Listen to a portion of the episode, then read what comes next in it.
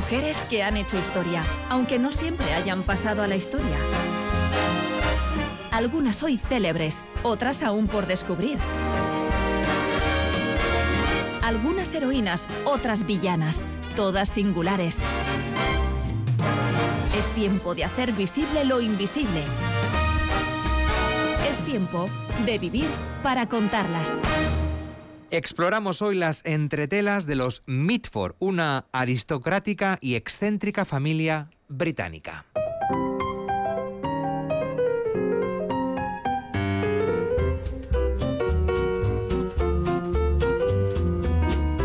Y nos vamos a centrar de forma particular en sus seis famosas y muy diferentes hijas, Nancy, Pamela, Diana, Unity, Jessica y Débora, que hicieron las delicias de las páginas de sociedad de su tiempo y que desencadenaron una mitformanía que siete años después de la muerte de la última de ellas todavía se muestra en plena forma. Edu Remaz, ¿qué tal? Hola. Hola, muy bien. ¿Y quiénes eran estas eh, mujeres que creo que sus vidas nos van a fascinar? Totalmente, vamos a ir conociéndolas una a una, pero bueno, para empezar, tras leer los obituarios dedicados en 1996 a Jessica con motivo de su muerte, Débora le dijo a su hermana Diana, veo que se describe a las chicas Mitford como famosas, de mala reputación, talentosas, sofisticadas, revoltosas, impredecibles, célebres, infames, rebeldes, extravagantes y peculiares. Así que elige el tuyo. Bueno, pues también nosotros nos disponemos a averiguar qué adjetivos casan mejor con cada una de las pintorescas hermanas y ya os adelanto una idea general. Por tópico que pueda sonar, en lo tocante a la vida de las Mitford, la realidad supera con creces cualquier eventual ficción basada en ellas.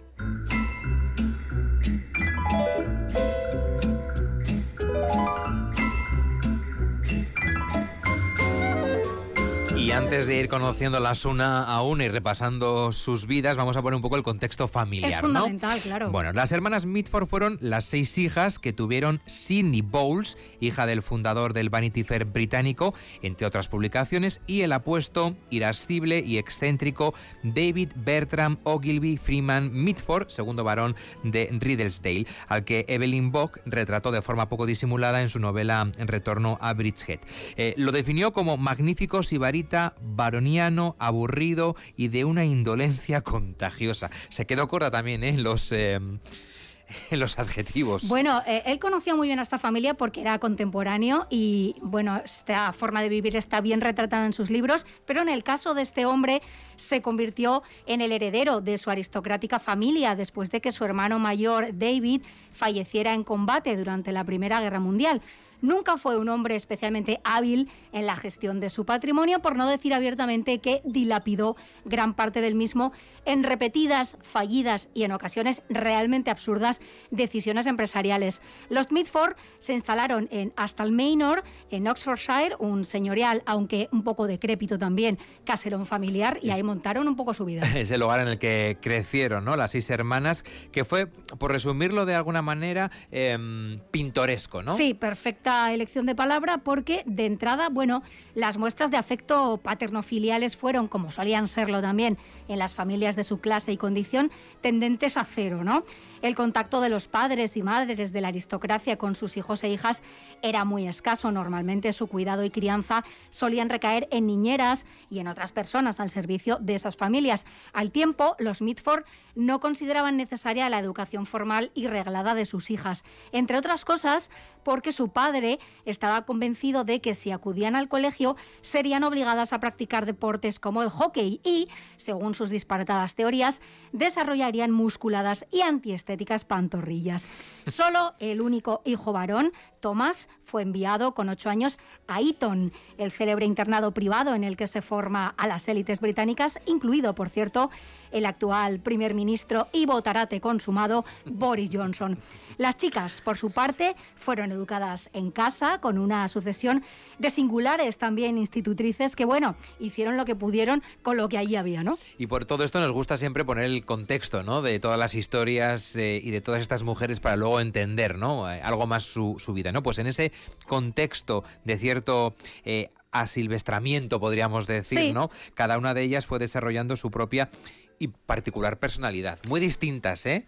Todas muy distintas entre ellas, como veremos, pero bueno, el padre, que era el más excéntrico de todos, llegó a decir, mi mujer es normal, yo soy normal, y sin embargo nuestras hijas están cada cual más loca. Pero claro, este hombre pues era muy consciente de la paja en el ojo ajeno, pero al parecer no tanto de la viga en el propio, ¿no?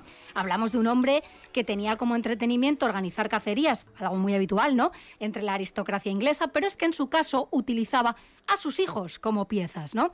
Era un hombre clasista, machista y racista, no le faltaba nada en el kit. En palabras de su hija Jessica, era una reliquia feudal. La más intelectual de las Mitford también afirmó, según mi padre, los forasteros no incluían solo a alemanes, franchutes, yanquis, negros y el resto de extranjeros, sino también a los hijos de los demás. Y añadía, de hecho, a la ingente población sobre la faz de la tierra, con la excepción de algunos parientes aunque no de todos. Y Edurne, en aquel eh, eh, estrambótico, supersticioso hogar no estaba bien visto o no estaban bien vistos los profesionales de la salud. No, los padres eran muy extravagantes. En este caso, la madre no era muy partidaria de los médicos. Nunca se iba al médico. Totalmente. Bueno, y ahí, pues salvo que te tuvieran que operar, ¿no? Y fuera algo ya, pues de absoluta necesidad, no se visitaba al médico, ¿no? La señora Mitford solía aprovechar la visita mensual del veterinario, sí, el veterinario, habéis oído bien, para que les echará un vistazo ya de paso a sus hijas, ¿no? Quienes, por cierto, también eran obligadas a seguir una dieta kosher, no porque fueran judíos practicantes, sino porque sus padres albergaban la arbitraria creencia de que existía una menor prevalencia del cáncer entre los judíos. Parecía imposible que de todo aquello no saliera al menos una hija un tanto excéntrica, ¿no? Hay que decir que todas lo fueron, cada una a su, manera, ¿no? Y desde luego unas más que otras, como veremos. Pero también eran todas inteligentes, bellas, mordaces, irreverentes y muy carismáticas. De modo que a medida que fueron haciéndose mayores y con el muy consciente deseo de casarse pronto y bien para poder irse, entre otras cosas, de ese hogar, pues empezaron a destacar entre la alta sociedad inglesa y a despertar un ávido interés en las páginas de sociedad a las que dieron, como veremos, mucho sobre lo que escribir.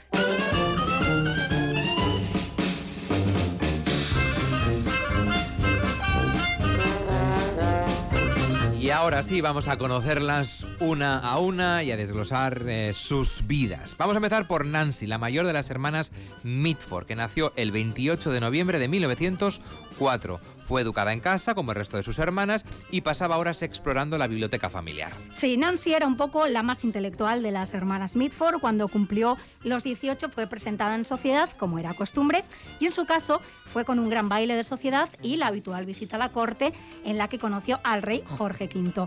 No le faltaron pretendientes a aquella joven inteligente, muy ingeniosa y con una estilizada figura que la convirtió en modelo de Lambán o Dior, ¿no? Pero ella que en estas cosas nunca tuvo muy buen ojo, esto hay que decirlo, se enamoró perdidamente de Hamish Sinclair Erskine, el hijo de un conde escocés que era gay. Llegaron a prometerse incluso, pero finalmente él se casó con la hija de un acaudalado banquero, ¿no? Las cosas funcionan así entre la aristocracia, hay que hacer matrimonios bien convenientes y Nancy se comprometió entonces con Peter Roth, que era el aburrido hijo de un varón inglés, con el que se casó a finales de 1933. Por aquel entonces ya había empezado a desarrollar su hoy celebrado talento literario y tras perder el bebé que esperaba, fruto también de un matrimonio que zozobraba, entre otras cosas, por el alcoholismo de su marido, se refugió de forma particular en la escritura. A sus más famosas novelas, de clara inspiración autobiográfica, debemos gran parte del conocimiento que hoy tenemos sobre la pintoresca familia Mitford. Divertidos y muy satíricos títulos como A la caza del amor, recientemente convertida, por cierto, en una exitosa miniserie de televisión británica, o Amor en clima frío nos muestran con ese característico humor británico cómo era la vida cotidiana para un miembro de aquel alocado clan, ¿no? No hay que hacer grandes esfuerzos para identificar a ese literario tío Matthew, extravagante, irascible, amante del campo y plenamente convencido de que no hay nada más allá de las islas británicas que verdaderamente merezca la pena con el propio padre de las Mitford. ¿no? Otra de las cuestiones que vamos a ver de estas hermanas serán sus eh, diferentes posicionamientos ideológicos. En el caso de Nancy era socialista. Sí, ahí vamos a tener para todos los gustos y sensibilidades, como Todo el espectro ideológico. Totalmente, lo cataron todo, ¿no? La ideología de Nancy cobró forma tras viajar con su marido al sur de Francia para ayudar a los refugiados que habían cruzado la frontera española huyendo de la guerra civil. Durante la Segunda Guerra Mundial colaboró también con organizaciones de ayuda a la población civil y en el asentamiento de los judíos que huían de Alemania y de otras zonas de Europa ocupadas por los nazis. En 1942 conoció a Gaston Palevsky, un coronel francés que era jefe de gabinete del general Charles de Gaulle en Londres, con el que entabló una apasionada y también adúltera, claro, relación. ¿no? En 1957 se divorció de su marido y se mudó a París para estar cerca de Gastón, quien, por cierto, años después acabaría casándose con otra. De nuevo, una rica heredera. ¡Qué casualidad! Oigan, Nancy dedicó aquellos años parisinos fundamentalmente a la escritura. Trabajó como traductora y escribió novelas, ensayos como ese dedicado a la forma de hablar de la clase alta que es muy conocido en ella, o biografías ¿no? de personajes ilustres como Luis XIV, Federico el Grande, Voltaire o Madame de Pompadour. La cáustica Nancy Mitford murió el 30 de junio de 1973, víctima de un linfoma.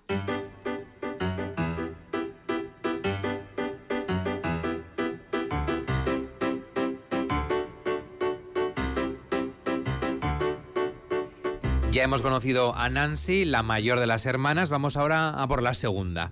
Em, de las Mitford, Pamela, que nació el 25 de noviembre de 1907 y en 1936 em, se casó con un rico heredero llamado Derek Jackson, especialista en espectroscopia de la Universidad de Oxford y se fue a vivir al campo, ¿eh? Sí. Es como más la, más rebelde de todas. Sí, es la rural de la todas rural, las la rural, vale, Mitford, ¿no? Ella rehuyó de forma consciente los rigores de la vida mm, social, ¿no? propia de la aristocracia. Ella era muy feliz en su paraíso rural, cuidando de su huerta y de sus animalitos, y fue, como dato curioso también, la introductora en el Reino Unido de una variedad suiza de gallinas, ¿no?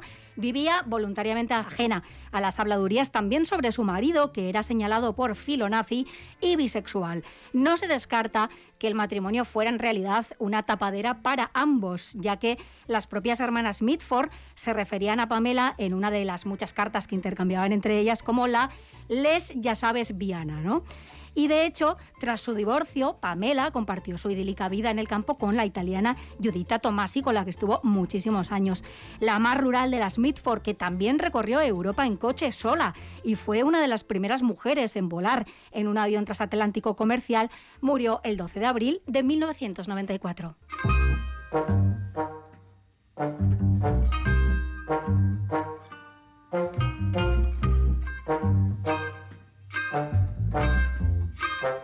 La tercera de las hermanas Mitford fue Diana, que nació el 17 de junio de 1910. Llegó a ser considerada, fíjense, la mujer más bella de su época y fue sin duda la más mundana de las seis célebres hermanas y era, por cierto y por supuesto, la favorita de la prensa. Sí, sí, sí, era considerada un bellezón y además es que tenía una biografía que, como veremos, pues eh, enloqueció por completo, ¿no? En 1929 se casó con Brian Guinness, escritor y sobre todo rico heredero de la industria cervecera, sí, de los Guinness de toda la vida, ¿no? Además de varón también de Moine. La joven pareja convirtió su hogar en el epicentro de las fastuosas y frecuentes fiestas de la alta sociedad. Era centro neurálgico de la conocida como Bright Young People, un grupo conformado por los cachorros de una decadente aristocracia que durante el periodo de entreguerras se entregaron en Londres a una vida de caprichoso desenfreno y que quedaron retratados también en la satírica novela Cuerpos Viles de Evelyn Bow miembro activo, dicho sea de paso, de este colectivo en cuestión, porque como decíamos, era contemporáneo, ¿no? Pero tres años después de su boda, Diana se enamoró de, cuidado, agarraos ya que llegan las curvas, Oswald Mosley, aristócrata y fundador de la Unión Británica de Fascistas, los famosos camisas negras. De modo que se divorció de Brian y se unió con creciente entusiasmo a la causa fascista. Se casó con Mosley en una boda que se celebró en el hogar del matrimonio Goebbels y con el propio Adolf Hitler como testigo. Por cierto, Adolf les regaló como presente de boda un retrato suyo enmarcado en plata con el águila imperial prusiana. Todo verdaderamente muy loco, ¿no? Tras el estallido de la Segunda Guerra Mundial, el gobierno británico detuvo a Diana y a su segundo marido, que permanecieron encarcelados por separado durante algunos años. Fueron puestos en libertad, aunque en régimen de arresto domiciliario, por la intermediación de Clementine, la esposa de Winston Churchill, que era además tía de las Mitford. Finalizada la contienda, fijaron su residencia en París, donde mientras la población más vulnerable trataba de recuperarse de aquel horror ¿no? y de los estragos de la guerra, pues ellos retomaron la disoluta vida reservada a los pertenecientes a las clases privilegiadas, alternando, por ejemplo, con los también hedonistas y juerguistas duques de Windsor. Diana, que nunca renegó de su fascismo y que por toda concesión reconoció que Hitler había hecho, cito textualmente, algunas cosas terribles, murió plácidamente en París el 11 de agosto de 2003 a los 93 años. Pero esperad, porque hubo una Mitford todavía más fascista, si cabe.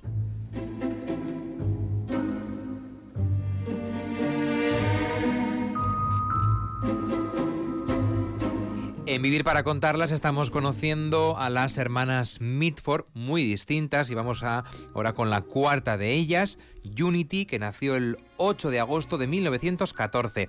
Con la ascensión del nazismo en Alemania, viajó con su hermana Diana Nuremberg para asistir al Congreso Nacional del Partido Nazi y a partir de ahí, Edurne, podemos decir que quedó absolutamente fascinada. Exactamente, y además de una forma un tanto patológica. Con frecuencia se habla de ella como la groupie de Hitler, ¿no? Por no decir que se convirtió en una auténtica acosadora. Acudió durante semanas al restaurante que solía frecuentar Hitler y se quedaba allí mirándolo fijamente de mesa a mesa hasta que ya él pues se interesó por conocerla, ¿no? Y se coló, como suele decirse, hasta la cocina, porque el Führer tuvo el detalle de sacar a una familia judía de su casa, oye, pues para acomodar en ella a Unity, porque así se las gastaba él, ¿no? Vivió durante cinco años en Alemania, plenamente integrada en el círculo más estrecho de Hitler, dicen que era la única que se podía permitir hablar de política con él, ¿no?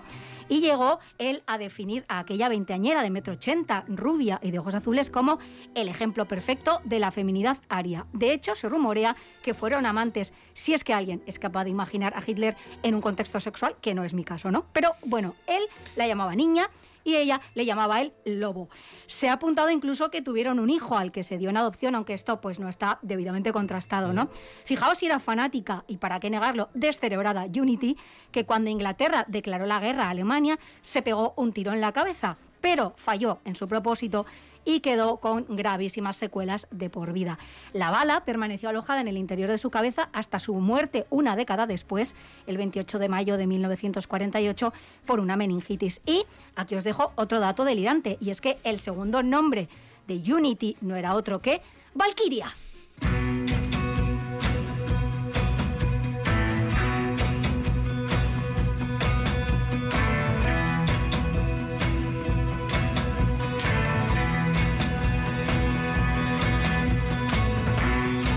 La quinta de las hermanas Mitford, de nombre Jessica, más conocida en la familia como Deca, nació el 11 de septiembre de 1917, el mismo año en el que se inició la Revolución Rusa.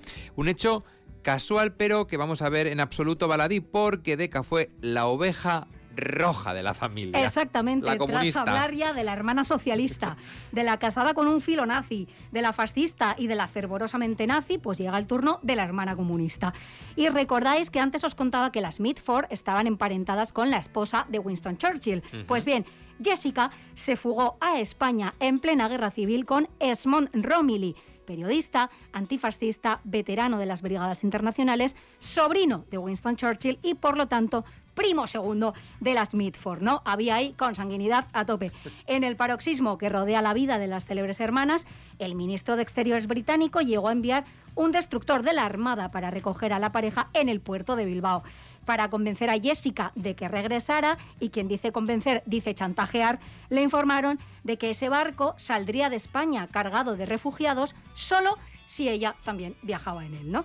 tras pasar... Todo muy loco en esta claro, familia. no, no, ¿eh? es que no hay por dónde coger y a la vez es fascinante todo ello, ¿no? Bueno, pues ellos estuvieron una temporada en España y tras casarse en Bayona, regresaron a Inglaterra y se instalaron en un humilde barrio londinense antes de mudarse a Estados Unidos, donde ya vivieron juntos hasta que Esmond murió a finales de 1941, cuando durante la Segunda Guerra Mundial el avión de la Fuerza Aérea Canadiense que pilotaba fue derribado en el Mar del Norte.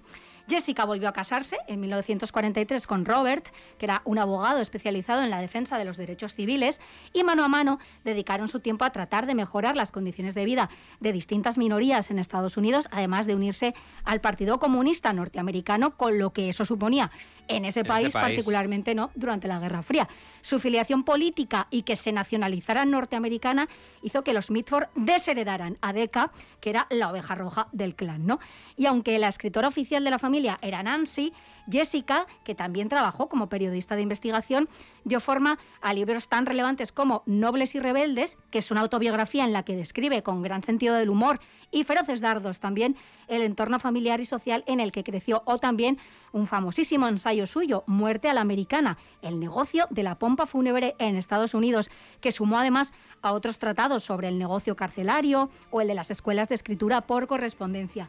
Jessica, que en la década de los 60 llegó a hacer sus pinitos en la industria musical con un grupo que se llamaba Decca and the Dectones, murió el 22 de julio de 1996.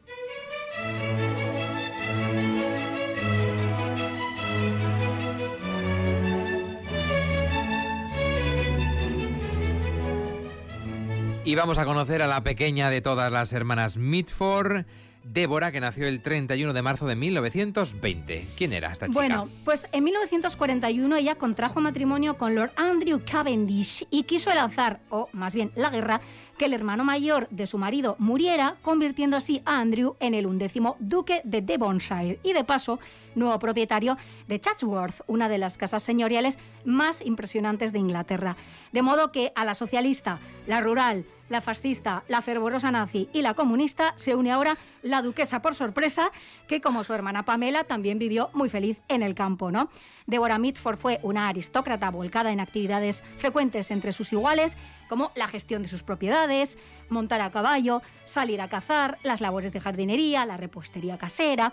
Y fue el 24 de septiembre de 2014 cuando murió ya la última superviviente de las hermanas Mitford, la estirada y sarcástica dama que se definía como apolítica que siendo una debutante bailó con John Fitzgerald Kennedy y pocos meses después tomó el té con Adolf Hitler, que abrió la majestuosa residencia familiar al público y la convirtió en un lucrativo negocio que sigue atrayendo más de 300.000 visitas al año, que se declaró rendida fan de Elvis y como tal peregrinó a Graceland y se cuenta que su marido, este dato me encanta, el duque de Devonshire, se paseaba por la mansión con un jersey en el que podía leerse Nunca te cases con una Mitford.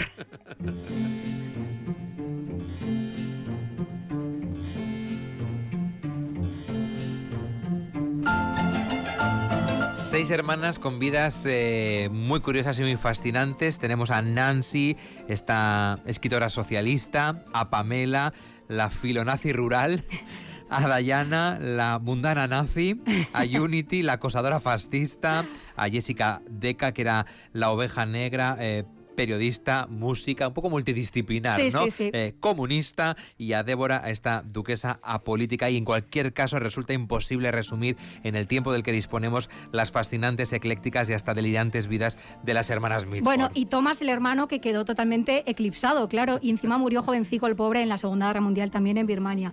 Como supondréis, han alimentado o inspirado infinidad de crónicas, ensayos, novelas, recopilatorios de las cartas que se escribieron entre ellas, documentales, series de televisión y hasta un musical en Broadway. A pesar de que en 1985 Diana le dijera a Débora, hay que admitir que las Mitford también me sacarían de quicio a mí si no fuera una de ellas. Pero es que, como escribió hace unos días José Carlos Job, hay donde elegir, aunque es la totalidad de la familia la fuerza imantada que impide apartar la vista de ellas.